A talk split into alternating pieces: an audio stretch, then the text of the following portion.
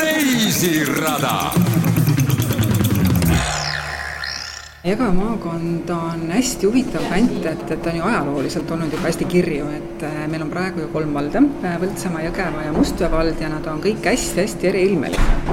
sellepärast, et kui me vaatame nagu ajas tagasi, et, et just selles Kesk-Eesti alal olid ju need väikesed äh, muinasmaakonnad, millest hiljem ju tekkisid sellised suuremad kirikukihelkonnad siis on meil äh, kahe nii-öelda murdepiir, on idamurde ja keskmurde piir ja siis on meie pea kohal täpselt Liivimaa piir.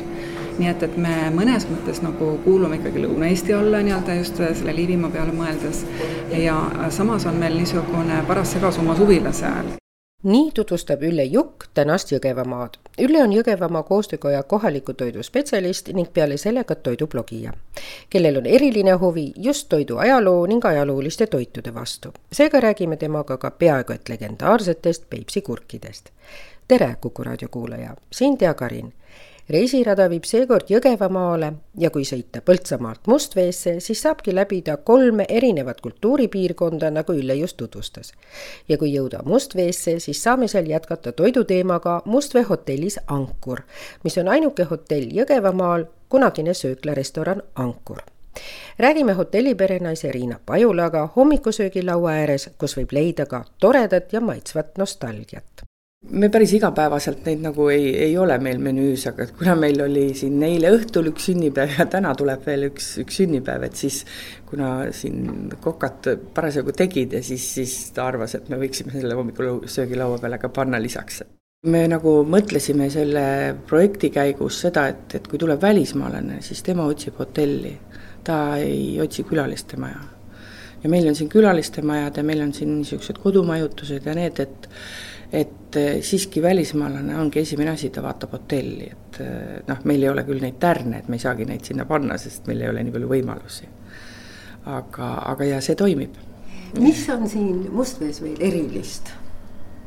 no mis meid eriliseks, eriliseks on see, et me oleme järve ääres, meil on Peipsi järv, meil on sadam, meil on viis kirikut ja, ja siis äh, meil on äh, nagu ikkagi kaks, kaks rahvust, et noh, see kõik teebki meil nagu eriliseks, et igalühel on nagu omad äh, kombed ja omad ja me siis peame nende kommete ja harjumustega kõigega nagu elama ja arvestama.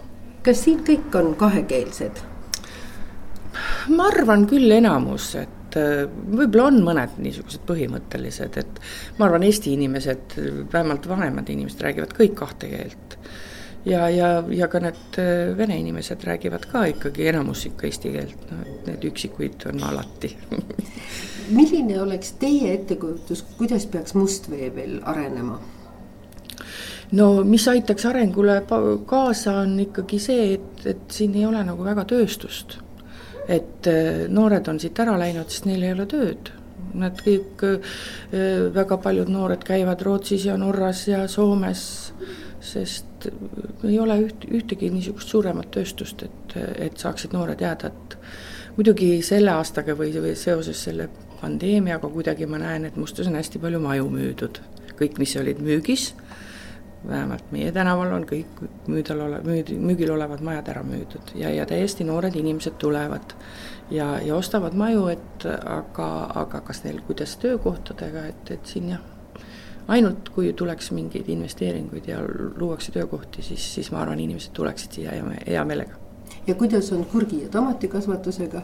Äh, ma arvan, et äh, täna sellist suurt kasvatust, ütleme niisuguseks müügiks on suhteliselt, hakkab väheks jääma, sest äh, sest noored väga seda nagu ei viljele, kõike müüakse poes ja vanemad inimesed noh, enam ei tee ja ei jaksa, et aga igaüks ise endale enamus ikkagi kasvatavad et noh, siis on jäänud võib-olla mõned, kes on niisugused nagu suuremad toetused saanud ja ja siis midagi nagu, nagu suuremat teinud, aga sellist nagu siin varem oli, et igas õues oli suur kasvuhoone ja kõik sõitsid kuskile turule, et eks see turustamise probleem on ka ju täna, et äh, meil on ju kõik marketid täis.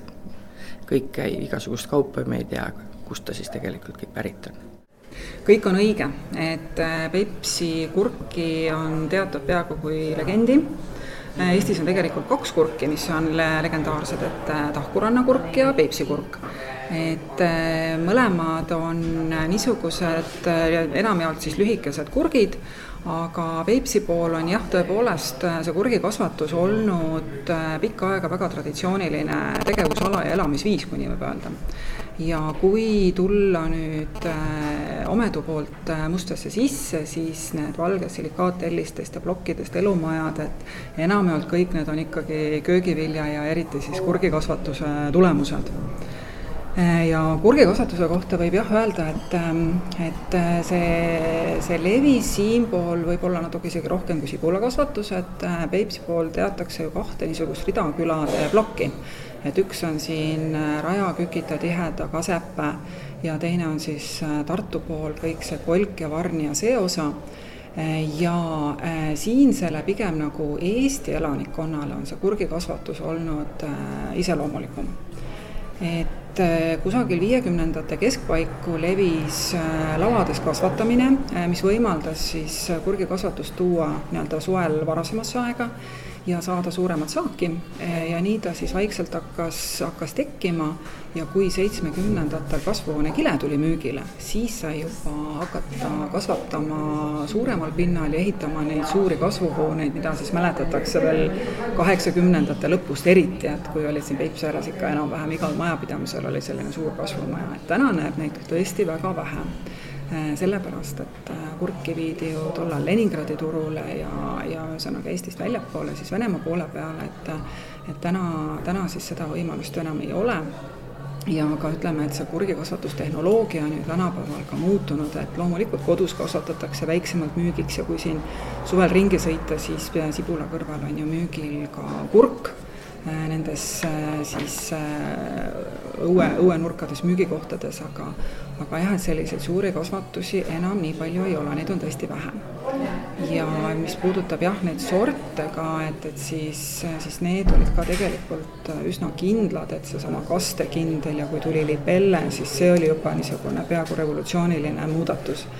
et et, see niisugune väike maitsev kurk on olnud tõesti nagu Peipsi äärel hästi iseloomulik, et just seesama Mustvee, Kasepää piirkond, et hästi tüüpiline.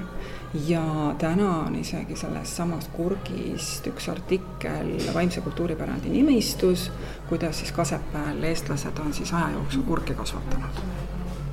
Enne kui hotellist lahkume, vaatame üle ka toredad kaktused aknalaudadel ja fotod seintel kui me siin siis avasime restorani, siis, siis abikaasa mõtles, et peaksime panema seina peale siis need äh, mustvest nagu vanu noh, niisuguseid pildikesi, et, et siis ta otsis ja leidis neid ja, ja, ja tegime siis seina peale sellise pildigalerii natukene mustvest nendest, mis, mis siis selle maja äh, asemel kunagi oli ja, ja milline siis, millised need ehitised Mustvees olid äh, varem ja, ja milliste autodega siis kunagi sõideti, et, et see on meil nagu siin ka ära näidatud. ja palke parvetati. ja palke parvetati jõe peal, jah meie siin Põltsamaa veelauakeskuses Veepark hindame ilusat loodust ja armastame värskes õhus olemist. liikumine ja sport käivad elus olemise juurde, nii kirjutavad enda kohta veepargi entusiastlikud inimesed. ringkaabel on äh, veelaua sõitmiseks äh, ehitatud liftisüsteem nii raske öelda, aga, aga jah, äh, saab hoida käepidamist kinni ja siis veelauaga äh, tuhiseda mööda vett ja on niisugune kuussada nelikümmend meetrit umbes pikk, üle poole kilomeetri sõitu ja saab sõita nii kaua, kuni käed ära väsivad või järjekord läheb liiga pikaks, siis seal võetakse niisugune nelja ringi kaupa, lastakse järgmised peale.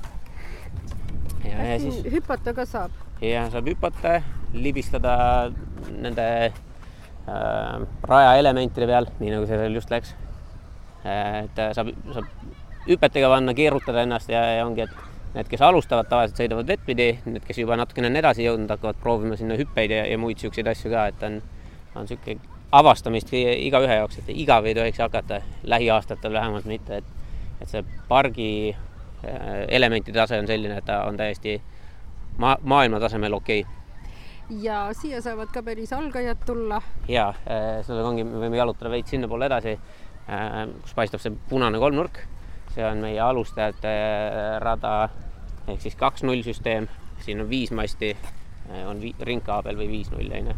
et alustajate raja peal käib see õppimine sedasi, et on viieteist minuti kaupa eelbroneerimisega ja siis üks-ühele on niisugune äh, treeningsessioon, kus, kus õpetatakse täiesti, täiesti algtõdesi.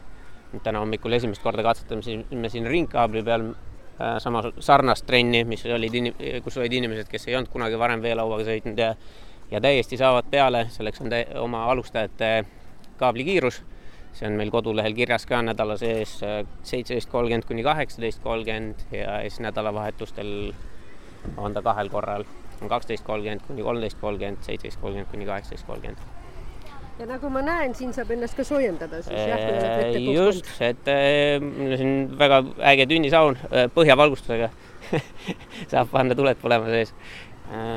meie päris niisugune avamine sellel aastal oli viisteist juuni, kus me nüüd esimest korda hakkasime võtma vastu külalisi kes ei olnud hooajapileti kasutajad, ehk siis niisugune noh, tänase seisuga täpselt kaks kuud või? Kolm või? Kaks või? ei saagi aru, kus aeg läheb. tribüün ka. Tribüün jah, see on, siis saab kaasa elama tulla sõitjale. aga jah, hästi-hästi mõnus suur terrass, kus, kus vaadata, kuidas teised sõidavad, koguda natukene julgust ja, ja tulla ise proovida. See on Eesti esimene täismõõdus ringkaablipark, mis liigub päripäeva ja pakub sõidu ning arenguvõimalust kõigile alustajatest edasijõudnuteni. suur kaabel on nüüd meil selline, kus on korraga peal kuni seitse inimest, igaüks on iseenda eest väljas, siis äh, alustajate kaabel on selline, kus üks inimene on korraga ja temaga koos on alati seal instruktor küll selle silla peal, ta istub ja puldib, äh, seal on teine on juhendaja kõrval, on ju, et me kogu aeg tegelema inimesega, et ta saaks niisugune võimalikult rõõmsa kogemuse, kõik, kes vett kardavad ka, saavad aru, et tegelikult selles äh, veelaua varustuses, kus sul on ohutusvest, kiiver, laud jalgade küljest, siis isegi ilma liigutamata sa püsid vee peal täitsa, on ju, et, et, ei pea oskama hirmus hästi ujuda ja, ja ma arvan, hea koht veehirmudest üle saada inimestel. pluss lisaks veel niisugune äge veelaua kogemus ka. kuna see Kamari järve ääres asuv uus veepark on nii uus, siis toimuvad veel mitmed lisatööd. siia tulevad äh, Võrgu ja Ranna jalkaplatsid. Äh, siin on meil see avalik ujumiskoht, kõigile avatud. Äh, see osa, mis meil on siin maa peal, see on tasuta osa. siin on madalsõiklusrada, see on samamoodi kõigile turnimiseks, katsetamiseks, seal on kiikusi, erinevaid siukseid osavuselemente, jõu, jõulinnaku osa, et on, on igalühel midagi natukene äh, toredat avastamist ja siis on äh, vee peal on kummilinn, see on nüüd tasuline, äh, käib tunn, tunni kaupa, viiskümmend minutit koos vestid selga, vestid ära, siis ongi tund aega ja käib tavaliselt meil pooltundidest. sinna pääseb peale niisugune äkki tavaliselt kuuskümmend kuni kaheksakümmend inimest saunad ja kalüpso aitavad kaasa sellele, et Eesti kliimas saab suve pikemaks teha. see veelaua sõitmine ei käi ainult mitte ilusal suvepäeval, vaid seda saab teha täiesti sinna niisugune oktoobrikuuni julgesti välja, kui ilmad lähevad jahedamaks, meil on niisugused äh, asjad nagu kalipsod, ehk seda aitavad soojendada vee keha ja kalipso vahel üles ja siis saab lasta täitsa julgesti mingi niisugune kümne, kümne kraadi juures ka, nii et ei ole üldse probleemi. Eesti kliimas avardab hästi palju seda võimalust nautida suve pikemalt, et, et äh, on, on hea vahend. veekohvikus, ütleb Joel, ei pane söök kõva nätakat, vaid on tervislik ja kerge ise tegeleb ta hästi paljude erinevate aladega, tegeleb kolmandast eluaastast peale mäesuusatamisega, tal on kogemus ka golfikeskuses Otepääl. kõik aktiivne tundub lahe, ütleb ta lõpetuseks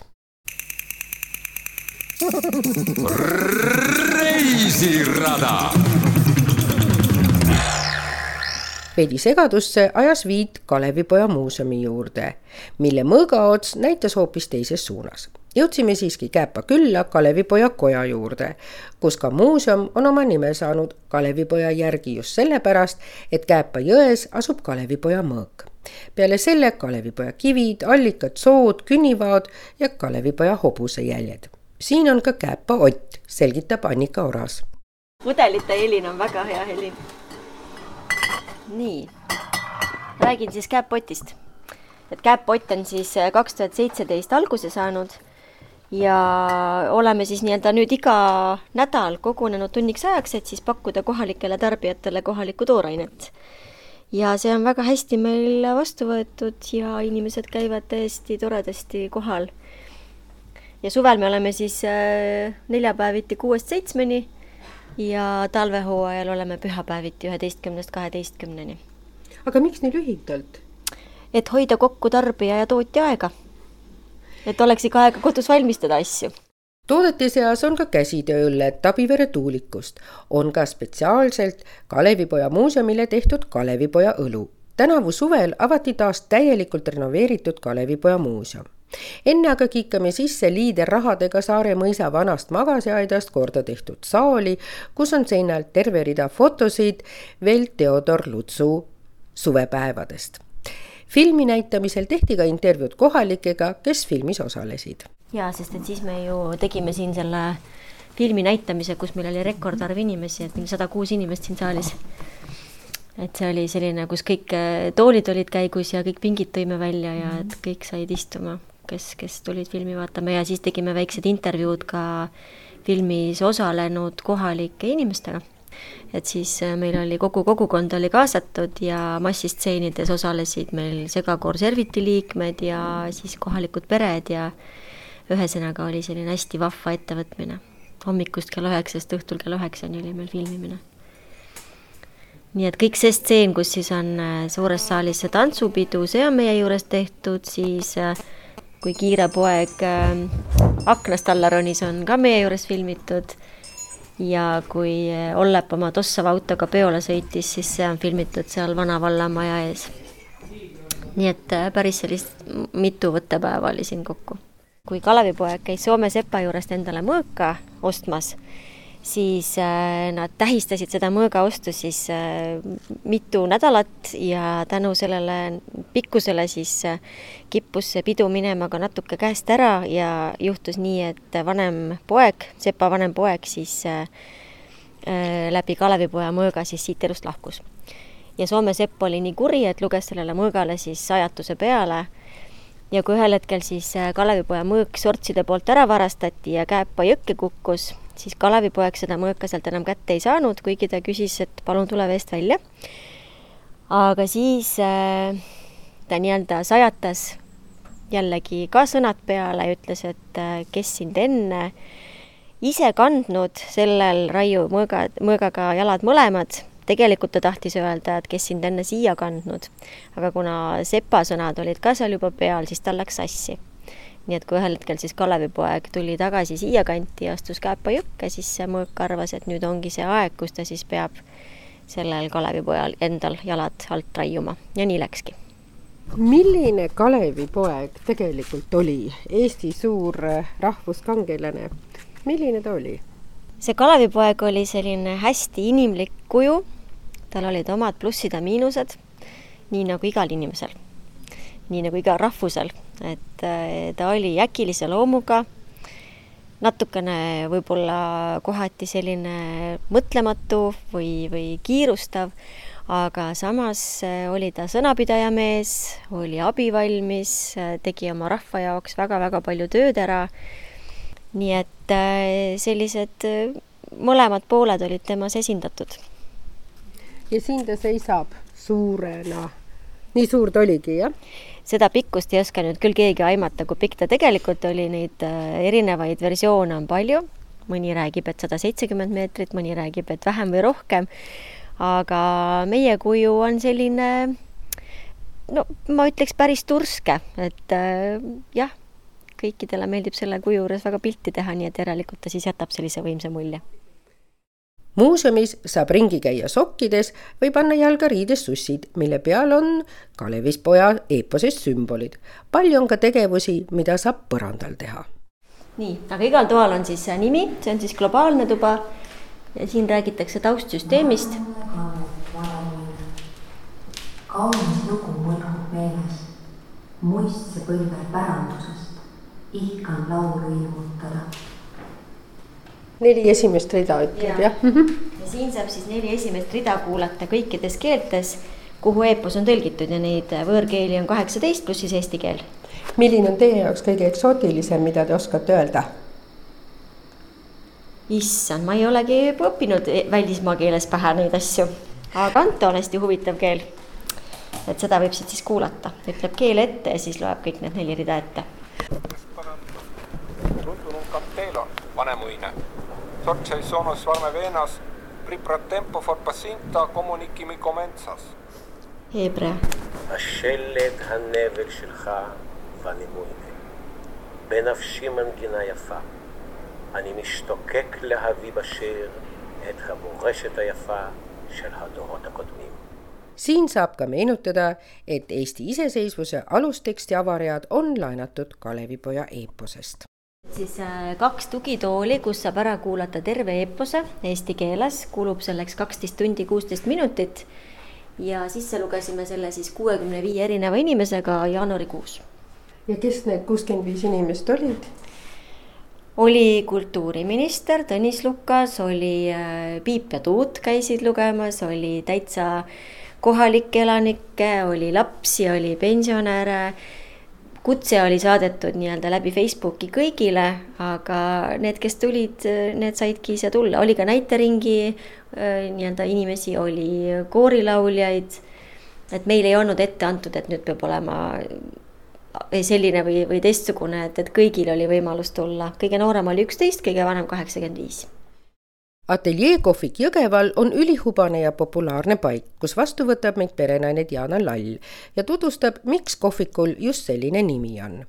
see plats, mida te nüüd näete, sai valmis kohviku kuuendaks sünnipäevaks, verivärskelt tehtud kahekümne seitsmendaks juuliks.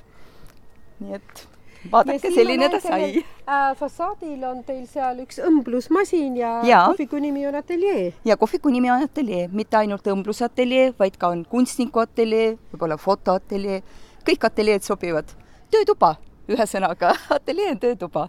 aga see Singeri õmblusmasin, see on siis esimene õmblusmasin üldse, mis oli tegelikult kõigepealt ema oma, aga noh, meie vennaga väntasime seda, nii et see on päris ehtne, nagu kõik õmblusmasinad siin nii et oleme kõik ise ka kasutanud, nii et muudkui ema õmbles ja meie aitasime siis vändata tal aga te teete nüüd mõlemat asja? ei, ei, ei, ateljeega me ütleme õmblustööga lõpetasin ikkagi no ütleme niimoodi neli aastat tagasi. aga jah, esimesel aastal sai kõike tehtud, kes tuli suppi sööma, kes tuli siis pükse lühemaks tegema või kleiti õmblema, nii et kõike sai tehtud. Just, aga jah, mõte tuli muidugi sealt, et ikkagi see õmblusateljeest, et noh, miks ei võiks kohvikul selline nimi olla. ja ma näen, et see on väga populaarne, seal on sees ruumi ei ole enam. ruumi ei ole, mm, kakskümmend viis kohta on sees, aga väljas on ruumi küll. ja tegelikult alustasimegi välikohvikuga, et meil ei olnud sees veel. et kaks kuud tassisime asju sisse-välja, sisse-välja. nii et meil on jah, järjest niimoodi kõik see asi valminud, aga mitte kunagi ta ei saa valmis, kogu aeg aga muudame ja no loomingulise inimese just. puhul ei saagi teisiti olla ei, ei saagi, muidu hakkab igav ju väljas istudes näeb värviliste lillejoonistega kaunistatud majaseinu, siin on nii lapsed kui amatöörid võtnud pintsli kätte ja tulemus on rõõmus ja lihtsalt kaunis. lauale tuleb aga aurav taldrik. see on siis meie, meie hitt-toode, pelmeenid, käsitöö pelmeenid. et siis, kui me alustasime, me alustasimegi ainult oma perega. et ema, mina ja kolm minu tütart. ehk siis pisike oli siin, rändas ringi nagu maskott, ta oli aastane ja natuke peale. ja siis vanemad tütred aitasid, et nemad siis olid letis, mina köögis, ema küpsetas ja tegi pelmeene. ja nüüd siis ema juba ütleme paar aastat puhkab. et noh, mitte päris ei puhka, me ikka päris puhata talle ei lase. ja me saime ukrainlasest ühe hästi toreda naisterahva Toonja ja nüüd tema teeb siis, jätkab siis. ja Toonja tuli Eestisse, loomulikult tööd oli vaja. no siis sõbranna küsis, et kas oleks midagi Toonjale pakkuda. no minu esimene küsimus oli, et kas sa pelmeene oskad teha? Ну что ты пельмени умеешь делать? Ну так, чуть-чуть. no vot siis чуть-чуть и вышло ja nüüd on ta meil tööl just, ja teeb juba neid pelmeene kaks aastat. suurt populaarsust on kogunud ka ateljee töötoad. ütleme sellised reisimuljed, et kui ma käisin Gruusias, siis me tegimegi, õppisin seal, see ei olnud lihtsalt selline kultuurireis, vaid ka gastronoomiline natukene ja siis ma jagasin lihtsalt, mis ma seal olin õppinud. nii et meil oli täitsa kruusiaõhtu. kas see tähendab seda, et töötoa vormis. reisimuljed on seotud ka söögiga? no natukene ka seda, ikka. et eh, tuleb ju kõike kogeda. nii et ma tõin seal ehtsat eh, Gruusia veini, millist nad kodus teevad, et meie sellisega pole harjunud. Tšatšat loomulikult, no nii et töötoarahvas sai kõike maitsta. ja muidugi tegime ka hinkaale tegime, no vaata, igal rahvusel on oma pelmeen kellel, kellel hinkaalid, kellel, kellel vareenikud ja. ateljee kohvikust üle tee leiab muusikakooli. sealt leiab ka Alo Mattiiseni väikese muuseumi, kus seisab ka tema kuju. see on Aivar Mihkelson, kes meile seda erilist klassituba tutvustab ma käin äh, tihti üksinda siin koolimas õhtuti ka läbi, käin arvutis ja ma tulin, uks oli lahti, tähendab, see aulaklassi uks oli avatud ja ma tulin mööda ja järsku tundus, et keegi nagu oli sees, tulin tagasi, vaatasin, sest ma ei teadnud, see makett oli siia järsku ilmunud, ma ei tea, kuskohalt see pärit on lihtsalt, ta täpselt nagu elu suurus ja videvik oli ka veel, nii et vaatasin. oli keegi... selline tunne, et oo jah, et keegi seisab ja ma algul ei märganud, et see Alo on, aga siis kuidas teil tuli see mõte teha siia ka Alo klass? see oli, see oli seotud sellega, ma pean natukene siin näitama teile, see koridor oli natuke laiem, üks, üks aken siit kuulus veel koridorile tol ajal ja oli laiem ja siin nurgas, kus praegu nüüd on see vitriin, seisis nüüd Alo klaver, seesama, mis seal nüüd on, see on originaal Alo klaver. ja ta oli kuidagi õnnetu, üks jalg oli alt ära, mingi tool oli sinna alla pandud kõveras ja siis ma ei tea nüüd täpselt linnavalitsusel ja vist meie direktoriga kuidagi koostöös tekkis selline mõte, et teha heategevuskontsert. ja koguda raha, et see klaver korda teha, restaureerida, see oligi nagu esimene mõte tegelikult. aga kuna eh, tuli väga palju rahvast sinna kontserdile ja päris korralik summa tuli kokku, siis edasi vist idee nagu kasvas, et teha siia Alo mälestuseks sinna Alo klaveriklass. ja siin toimuvad tunnid ka, et ta ei ole lihtsalt nagu selline makett, aga et siin toimuvad solfeetsiotunnid ja rütmika ja nii, et lapsed käivad siin pidevalt tarkusi saamas. kas nendel lastel siin muusikakoolis on ka see teadmine, kes oli Alo Mattiisen ja mis ta ka tegi? paljudel on ja kui väiksemad lapsed ei tea, siis me vahel kutsume neid siia. Mõni laps on õnnetu, kui ta kolme saab, siis ma, ma kutsun teid korraks siiapoole, tulge. et kui tuleb selline natukene alla keskmise hinne, siis ma kutsun lapsed siia, ütlen, et vaid kus see kadunud on? siin on, aa, ta on seal, näete. ma, siit paistavad ainult hinded, praegu erialad ei paista, see on Alo muusikakooli tunnistus seal. ja ma ütlen neile, vaadake, rahuldav, hea, hea, rahuldav, rahuldav. Ja Alo lõpetas pärast kaks korda konservatooriumi Eesti Muusikaakadeemia. mõtlesin, et see nüüd ei ole küll mingi probleem, mille pärast muretseda, kui te saate rahuldava hinde. Et igastahes tasub, tasub edasi püüelda meelt heita, sellepärast ei ole mingit mõtet. Alo oli algul noh, küllaltki uje tegelikult, ta oli siin hästi pika kasvu, ta käis kuidagi peal jõlgade vahel, ta oli rohkem nagu spordipoiss.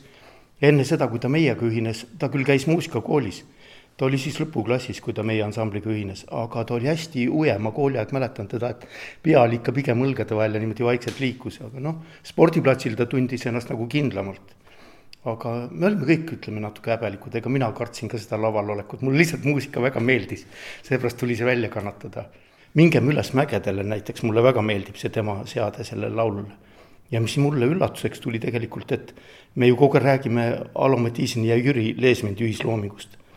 Aga tegelikult selle Mingem üles mägedele, selle uue versiooni teksti on ikkagi Henno Käo teinud. aga sellest nagu ei räägita eriti. näete, ma kutsun teid korraks siia plaadi ümbruse juurde ja nüüd ta on oh,, kus ta, kus ta meil on, mingem üles mägedele. aa ah,, näete, kolmas lugu seal vasakus tulbas ja, ja Veske ja Henno Käo, tekstiautorid. Mina kuulasin ja mõttes kiitsin kogu aeg Jüri, et küll on hea tekst ja nii hästi läheb nagu selle kõigega kokku ajastuga. ja ükskord vaatasin plaadi ümbrist ja sain üllatuse osaliseks, et Henno Käo hoopis. ja see mul muidugi meelt ei heitnud väga, väga meeldiv, ainult et sellest ei ole eriti juttu olnud, huvitav reisirada. Pajusi mõisakompleksis ootab meid kahe tuhande kuueteistkümnenda aasta põllumees, kelleks on Lembit Paal. tegemist on parimas mõttes maasoolaga, kes juhatab kohalikku suurt põllumajandusettevõtet Pajusi ABF tema ettevõtmisel on restaureeritud hulk Pajusi mõisa hooneid. äsja sai valmis grillikoda, restaureeritud on külalistemaja ja Aitkuivatist sai kultuuriait. sinna astumegi kõigepealt sisse. tõepoolest selle, selle hoone algupärane pilt vaatab meile vastu siitsamast stendi pealt, et sealt on siis näha, milline siis algupäraselt oli ja kui me teda taastama asusime eh, kahe tuhande esimesel aastal vist minu mälu järgi, ega meil siis eh, muud eesmärki ei olnud, kui lihtsalt selline arhi-, arhitektuuripärl päästa, ta katustada ja, ja, ja et ta säiliks ka tulevastele põlvedele. Ja ehitus kestis äh, ligi viis aastat. Ja lõpuks, kui ta valmis sai, siis, äh, siis otsustasime selle avamise peo teha pisut teistsuguse. Ja otsustasime korraldada siis äh, siin Pajusi mõisa Ait Kuivatis lõõtspillikontserti ja selle tarbeks sai siis improviseeritud väike lavakene. Ja, ja see toimus siis esimesel juulil kaks tuhat viisteist ja oli ta siis mõeldud kogu kogukonnale, kes siis saa-, oleks saanud oma uudishimu siis rahuldada, sest tõepoolest, ega siit on palju möödasõitjaid, on ta üsna läbitav maantee, see Põltsamaa Luige maantee. Ja, ja, ja siis äh, rahvast kogunes hulgaliselt. Ja oli tõesti tore pidu ja, ja kuna see lõõtspilli kontsert õnnestus sedavõrd, et äh, et paljudki arvasid, et sellist kontserti võiks veel korraldada, siis sellest kahe tuhande viieteistkümnenda aasta suvest on nüüd siiamaani need rahvamuusikakontserdid äh, siin olnud. Ja kuna ma ise olen äh, ka lõõtspilli usku ja tasapisi ka seda pilli õppinud, siis, siis ongi see peamine ikkagi suund olnud rahvamuusika, aga just lõõtspillimuusika ja ma arvan, et seda, seda Pajusi Ait Kuivatit on nüüd kontsertidega, kontsertidega nagu äh, austanud siis enamik äh, Eesti tipplõõtsamängijaid äh, ja vanema põlvkonna mängijates on nüüd nii-öelda tiir peal ja, ja nüüd on meil nagu soov võtta siis noorema põlvkonna esinejaid teisel korrusel ongi kontserdisaal ja siin tutvume ka Lembitu teise hobiga, vanavara. näiteks kivist ja metallist ja Lembitu süda lihtsalt ei luba ka puuesemetel lõkkesse sattuda. selle vanavaraga seoses äh, oli mõte, et ähm, et me võiks siis, siis näidata ka pisukese seda Eesti teraviljakasvatuse või teravilja ajalugu ja, ja koondame siis siia tasapisi, nii nagu meil jõudu ja võimalusi on, ka neid eksponaate, et meie soov on ikkagi nad enne, eelnevalt korrastada, et, et oleks ka niisugune esteetiline pool täiesti, et, et mitte tolmused ja koledad. ja siin on üks äh, tore käsikivi, mida päris, päris saab ka ringi ajada ja säilinud ka suht originaalsel kujul. kes nagu soovib, saab, saab proovida, kuidas siis see päris see käsikivi ringi ajamine käis, nii et eh, seda tuleks, võiks altpoolt siis võtta, natuke kergem panna ja tõepoolest terad käsid siia keskele ja jahu siis siia kasti tuli, nii et eh, et selles mõttes on ta niisugune tore eksponaat, et eh, kellel huvi, siis saab, saab ka sellise ettekujutuse, kuidas siis see päris see käsikiviga jahvatamine käis. mis asjad need nüüd siin on? ja, ja see on jälle üks põnev asi. Äh, nende anumate nimi on ummik. Äh, ja tehti nad siis umbsest puust või ühest puust ja see eristabki need noh, hilisemaid anumaid, et need on tehtud tõesti ühest puust ainult ja väga suured ja massiivsed, et, et mitte laudades kokku pandud ja neis hoiti siis teravilja nüüd oleme jõudnud päris mõisa südamesse. esimese hoonena sai korda aednikumaja. täna on ta külamaja erinevate ürituste jaoks. kõrval kaheksa koma seitsme hektarine park suurte ürituste jaoks nagu mõisapäevad, masinapäevad ja üleriigilised lõõtspillipäevad. nüüd viimased äh, neli aastat on meil suured äh, üleriigilised lõõtspillipäevad, on siin õue peal masinapäevad, näitame vanatehnikat ja üks eh, võib-olla suuremaid ja olulisemaid tähtsundmusi tänasel hetkel. Ja tänasel suvel oli meil Pajusi mudajooks, viies aasta, kus siis registreerunud mudajooksule oli üle kaheksasaja. Nii et äh, viies aasta ja väga-väga-väga vinge kümne kilomeetri rada mööda Põltsamaa jõe erinevaid vanajõgesid ja jõekaldaid, puhas muda, puhas vann, nii et väga tore ja rahvarohke üritus.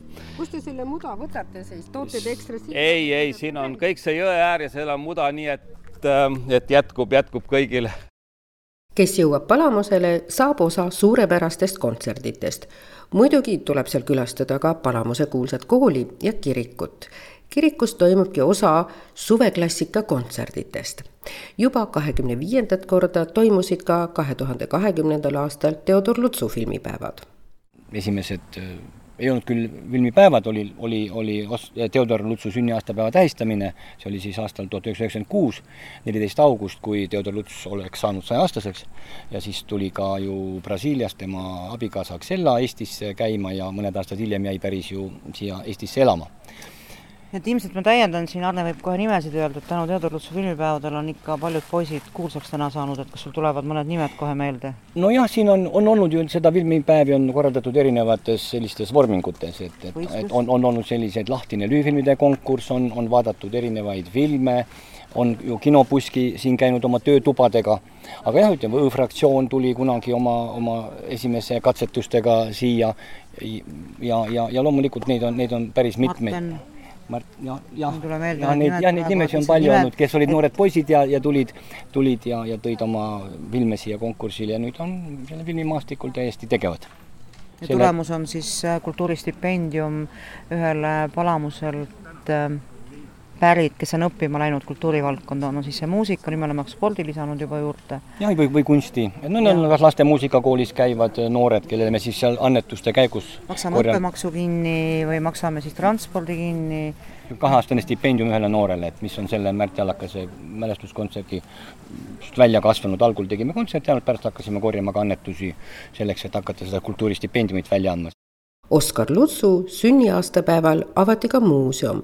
selle kõrval on nüüd ka moodne hoone ekspositsioonidele, kus näidatakse kihelkonna koolide ajalugu laiemalt, kui seda on Oskar Lutsu Kevades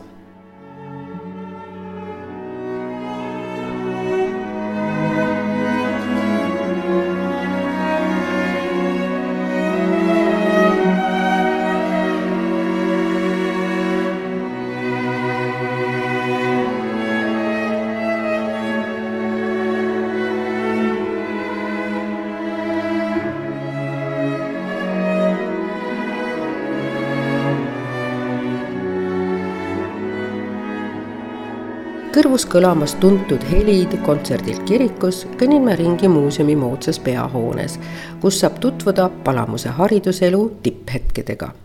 kõige olulisemat osa tutvustab muidugi ei keegi muu kui Joosep Toots ise. ja kellel tekib nostalgiatunne, siis filmisaalis näeb ka ajaloolisi kaadreid filmist Kevade, mis valmisid Palamusel kahe tuhande kahekümnendal aastal toimus üks pürotehniline uus üritus kuuldemängu võtmes. erinevates ruumides kõlasid hääled ja toimus valgusmäng.